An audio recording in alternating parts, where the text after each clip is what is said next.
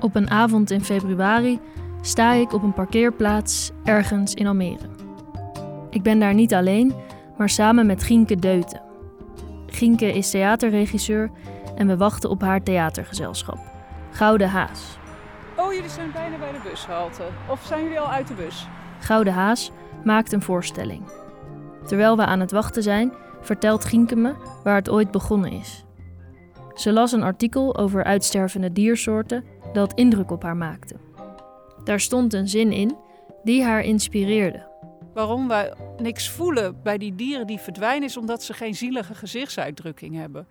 En die zin die raakte me enorm. Dat ik dacht van, oh ja, wij kunnen heel goed rouwen en rituelen verzinnen voor mensen of huisdieren. Maar we vinden het eigenlijk heel moeilijk om ons te verbinden met al dat andere leven om ons heen. En toen kwam dat idee van ik ga een, een afscheidsceremonie organiseren voor uitstervende diersoorten. In de aanloop naar de voorstelling, die Gienke liever een ceremonie noemt, worden voorbereidende sessies georganiseerd. Daarbij komen mensen samen die in het onderwerp geïnteresseerd zijn. Je merkt heel erg aan de deelnemers uh, dat er een enorme behoefte is om hier met elkaar een gesprek over te voeren. Vanavond is zo'n avond. Hallo. Hoi.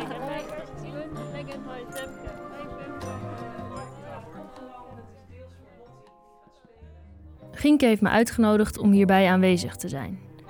Ik ben Femke en ik maak deze podcast.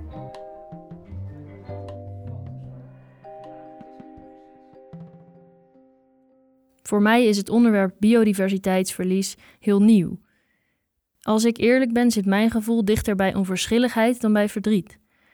Ik vraag me dan ook af of ik wel de juiste persoon ben om deze podcast te maken. We lopen naar buiten, het donker in en gaan in een kring staan. Omst de beurt leest iemand iets voor. Uh, de duingentiaan blauwtje is een uh, vlindersoort die voorkwam in de Nederlandse duinen. Het verborgen boswitje, een tere dagvlinder. Ik heb gekozen voor de kwak. De kwak uh, is een reigerachtige. Hij komt niet meer in Nederland voor omdat uh, het water niet schoon genoeg is. Op deze manier nemen we afscheid van de uitgestorven diersoorten in Nederland. Ik kan me totaal geen voorstelling van de soorten maken. En ik weet me geen houding te geven. Deze mensen komen het uitsterven van de soorten wel onder ogen. Waarom? En waarom word ik hier zo ongemakkelijk van? Na afloop spreek ik met Gienke over de sessie.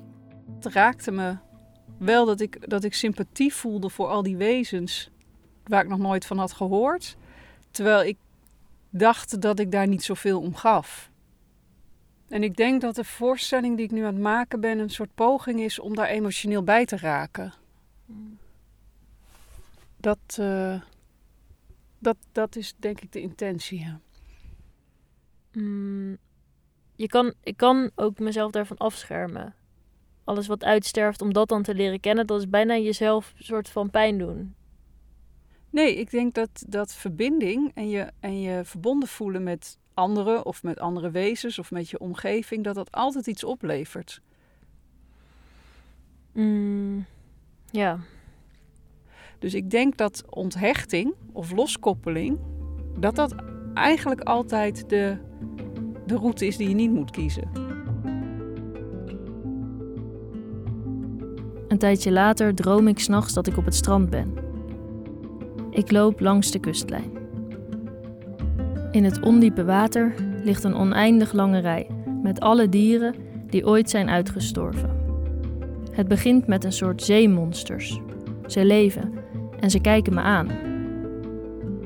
Als ik wakker word, weet ik dat ik met dit project begonnen ben.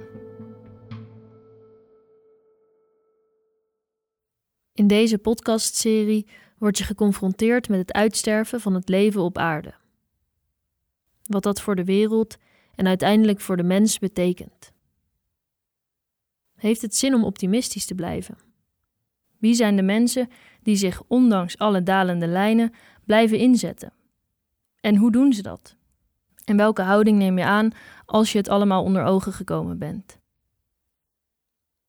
Omdat ik me nooit echt heb verdiept in biodiversiteitsverlies, zie ik het ook niet echt voor me. Daarom probeer ik dat in deze eerste aflevering wel duidelijk voor mezelf te maken. Wat zie ik over het hoofd? Ik praat met ecoloog Mark Argelo. Hij schreef een boek over het verlies van soorten. Daarin vertelt hij over het effect dat dat heeft op het beeld dat wij als mens van de natuur hebben.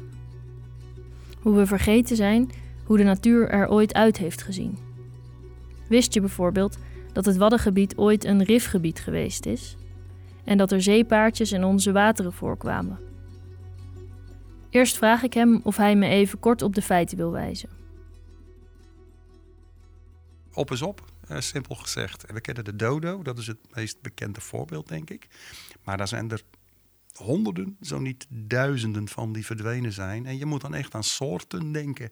En, en de belangrijkste oorzaak daarvan ligt de afgelopen paar duizend jaar, en dat proces gaat nog door, in het uh, gedrag van de mens, simpel gezegd. Ja. Het gaat echt hard. Uh, we hebben het ook over de zesde uitstervingsgolf. Net afhankelijk van de definitie, 50 of 75 procent van het leven op aarde, dat verdwijnt dan. Um, die andere vijf die zijn allemaal geweest voordat de mens er überhaupt was. De laatste is waar die dinosaurussen daarmee verdwenen zijn, 65 miljoen jaar geleden. De inslag van een meteoriet, van een asteroïde. Toen, toen uh, ja, verdwenen er tientallen procenten van het dierlijk en plantaardig leven op aarde. Nou, dat is wat er nu weer gebeurt voor die groepen waar we het van weten. En dat tempo ligt net zo hoog, zo niet hoger, als het tempo zoals zich dat voltrok bij die meteoriet die insloeg. Wat in natuurzin razendsnel gaat. Maar in, in, in de menselijke belevingszin gaat dat heel langzaam. En word je er niet mee geconfronteerd als we weer uit het raam zitten te kijken. Dan gaat dat traag, maar het voltrekt zich wel. Hoe draagt de mens dan bij aan het uitsterven van de soorten? Op verschillende manieren. Uh, vroeger was jacht de belangrijkste. Dat is nog steeds een hele belangrijke. Geldt iets minder voor uh, Europese landen, maar dat zit meer in de tropen, in, in dat soort landen. Uh, landbouw is nummer twee. stedelijke ontwikkeling is nummer drie. En dat is bepaald, dat is onderzocht aan de hand van de 8000 meest bedreigde soorten ter wereld. Nou, dan gaan ze kijken bij die ruim 8000 soorten, wat zijn nou die bedreigingen? Dat is allemaal menselijke invloed. Ja, zo is het is het goed wij eigenlijk die meteoriet zijn, de mens. En niet één meteoriet, maar een soort hagelgeweer.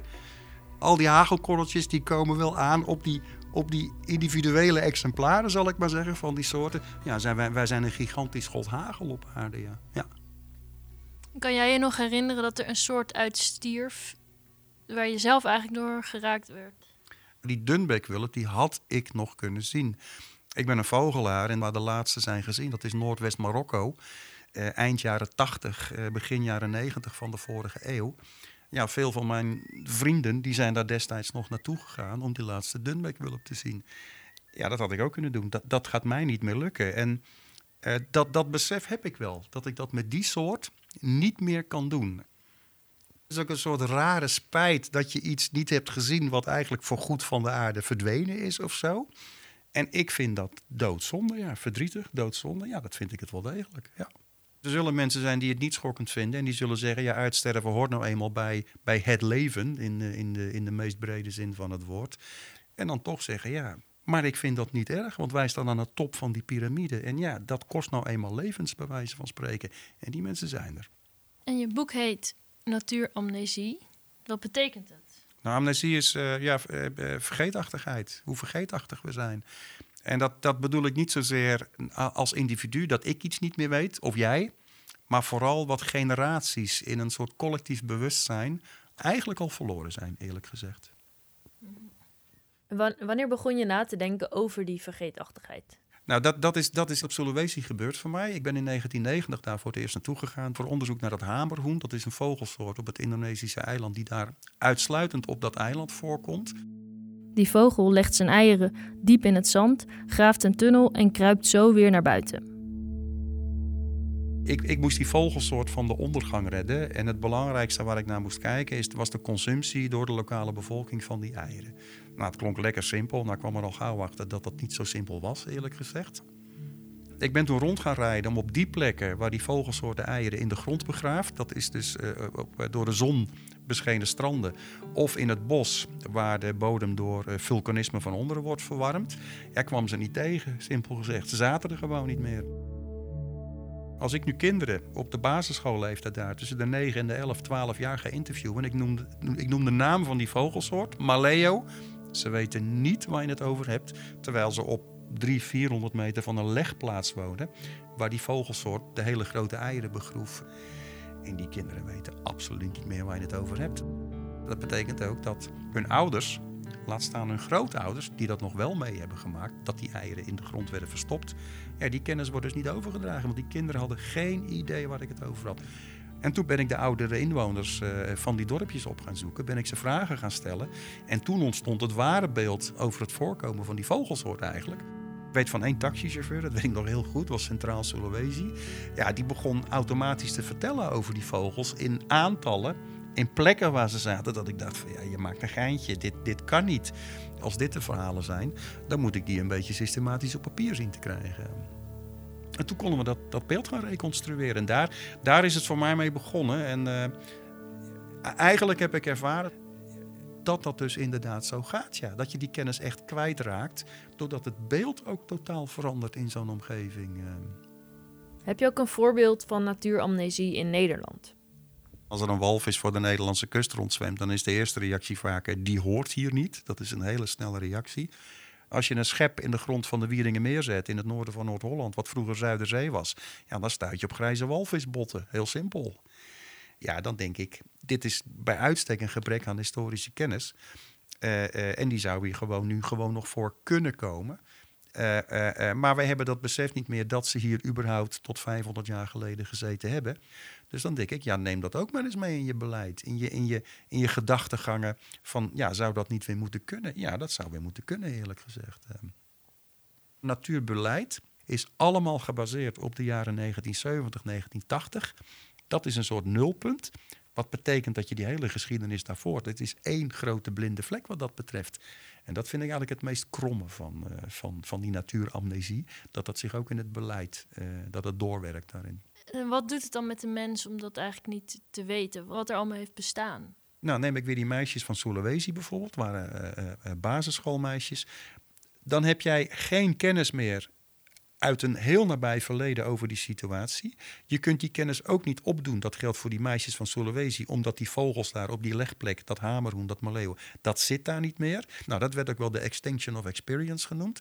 Het uitsterven van die ervaringen. En als je die niet meer kunt doen, dan gaan wij zoveel uit ons leven feitelijk kwijtraken als beeld, als ervaring. En dat is wel de nieuwe basis om weer te gaan beschermen of iets te gaan veranderen. Je hebt die kennis helemaal niet uh, die eraan vooraf gaat. Jij hebt niks meer om over te dragen op een gegeven moment. Mark noemt nog een andere belangrijke reden die ten grondslag ligt aan natuuramnesie. Ik had de totale vrijheid om naar de rand van de stad te gaan om mijn visjes te vangen, om mijn salamandertjes te zoeken, om mijn rupsen te verzamelen. De mogelijkheid om dat in de natuur te doen, zeker in het westen van het land, maar ook in woonwijken in het oosten van het land, is veel minder geworden. Enerzijds omdat die plekken er veel minder zijn. En anderzijds omdat wij blijkbaar een gedrag hebben ontwikkeld. Dat is in allerlei wereldsteden onderzocht. De afstand die kinderen zelfstandig van huis uit mogen spelen, gewoon rennen en wegwezen, die is schrikbarend veel korter geworden. Je mag niet zo ver van huis weg. Je moet, je moet begeleid worden. Eh, over die vergeetachtigheid, ja, jij krijgt niet eens meer de mogelijkheid om überhaupt die kennis op te gaan doen als kind. En dat vind ik wel een hele wezenlijke, die aan, aan de basis van die vergeetachtigheid, dat die daaraan ligt. Ja. Ja. En dat ontdekkende van kinderen om echt eh, eh, ja, een soort Tarzan te spelen of een soort ontdekkingsreiziger te spelen, dat zit in kinderen. Daar ben ik van overtuigd. Dan leer je je omgeving kennen en als je die interesse hebt, dan kan die interesse zich heel puur, heel dicht bij jezelf, kan die zich ook ontplooien. Uh, het zijn vaak van dat soort ervaringen, vaak vaak de eerste soorten die je ziet, die eigenlijk heel gewoon zijn. Ik heb een extra gehad vroeger. Ja, dat, dat, dat vond ik fantastisch wat dat betreft. Ja. Zelf ben ik opgegroeid in een Finexwijk, met weinig groen in de buurt. Ik speelde buiten op het zand waar de huizen opgebouwd zouden worden. Misschien ligt dat ook een beetje ten grondslag aan de afstand die ik voel tot de natuur. Ik ken bijvoorbeeld weinig namen van vogels. Ik moet het bos maar eens ingaan. Misschien kan ik heel concreet horen hoe biodiversiteitsverlies klinkt.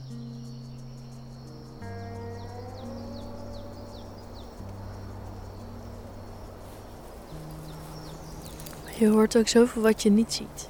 Ja, Ik zit samen met Marcel op een boomstam in een bos in de buurt van Breda. Marcel neemt al 12 jaar geluiden op. Hij draagt een petje en een zonnebril en zo zit hij soms uren verstopt in het bos, maar ook op het strand of in de stad. Zo'n 12 jaar geleden werd hij ziek en nadat hij stopte met werken, is hij dit heel serieus gaan doen. Weet je wat ook grappig is? Als je nou eh, geluid op gaat nemen als het windstil is. Mensen hebben het wel eens over windstil. Hè? Maar windstil, dat is het eigenlijk nooit. Maar als het nou windstil is, komt het echt zo heel langzaam, komt het geluid je kant op. En dan komen die lage tonen, die blijf je altijd horen. Altijd hoor je altijd die hum van, hum van de stad op 5, 6, 7 kilometer afstand hoor je de hum van de stad. Dat is zo ontzettend mooi. Ik kwam op YouTube een video tegen van Bernie Krause. Hij noemt zichzelf een soundscape-ecoloog. Hij vergelijkt geluiden in de natuur met die van vroeger. Je hoort dan een stuk minder vogels en insecten. Ik wilde dat ook proberen en dat is waarom ik daar zit. Precies op dezelfde plek als waar Marcel zes jaar geleden geluiden op zat te nemen. Hetzelfde tijdstip, dezelfde dag, dezelfde maand, en een paar meter verderop staat zijn opnameapparatuur. Deze opname hebben wij dus gemaakt op 28 maart 2023.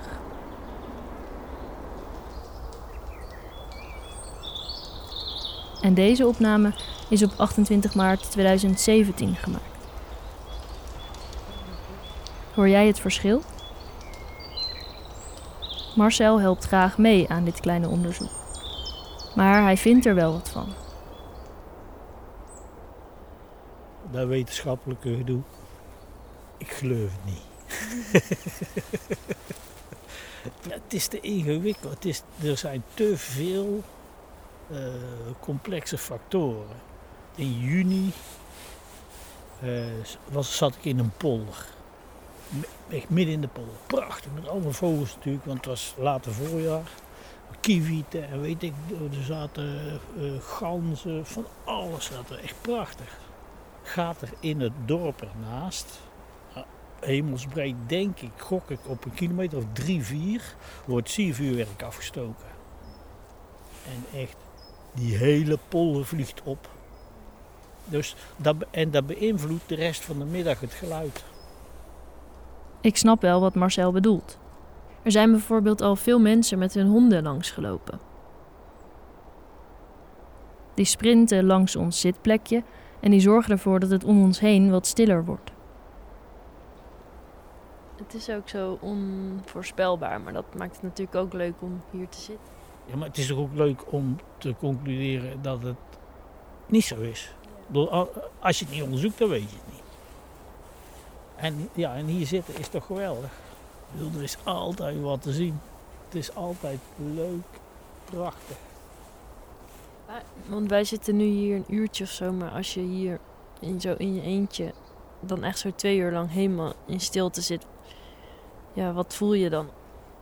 Ja. Rust. Ik ben, ik, de- voor mij is er gewoon rust.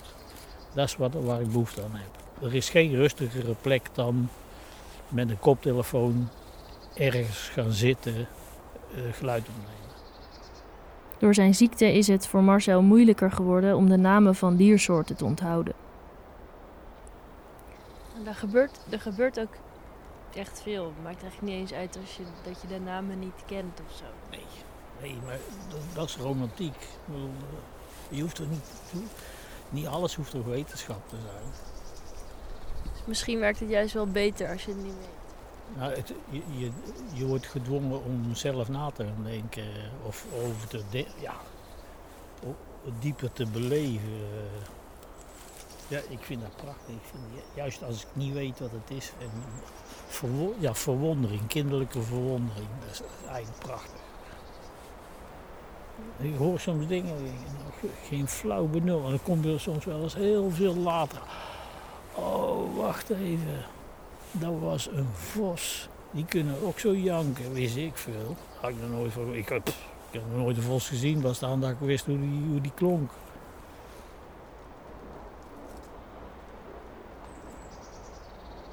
Het is mooi geweest. Het is mooi. Het is mooi geweest, zegt Marcel. Het was heel mooi. Ben je Ja, tevreden? want, eh, ja, we, het doel is bereikt.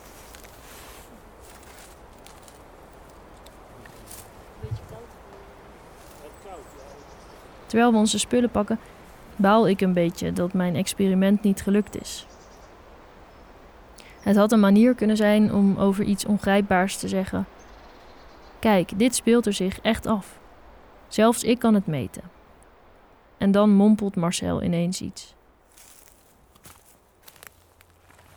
de oplossing van een natuurprobleem zit bij de kunst. Oh, wacht, ik moet het even. Ja, wat? Welke gedachte? De ontroering, die zit, die zit bij de kunsten. In de breedste zin van het woord. Ik, ik denk dat de kunstenaars de verandering gaan brengen. Dat is altijd zo geweest. Maar je zou ook kunnen zeggen, ja, die kunstenaars, ja, die zijn maar een beetje verhalen aan het vertellen en zo. Maar wat doen ze nou? Ik zit ook maar zo stom in een bos eh, een beetje geluid op te nemen. Wat doe ik nou? Ja, je, vangt iets wat je niet kan vangen. Ik zeg tot tegen jou, ik, ik neem de stilte op. Ja, dat kan niet. Het is allemaal niet zo moeilijk. En het is super ingewikkeld. Een theatergroep. Maar wat doet nou een theatergroep? Het is allemaal poppenkast, allemaal flauwekul. En waarom zit je dan te janken?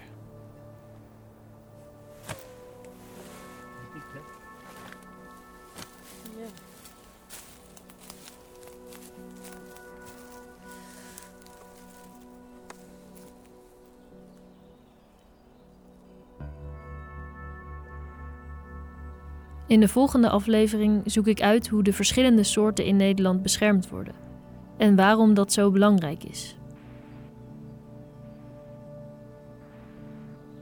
Deze podcast is een productie van Gouden Haas en wordt gemaakt door mij, Femke Bosma, met ondersteuning van Marieke Noren.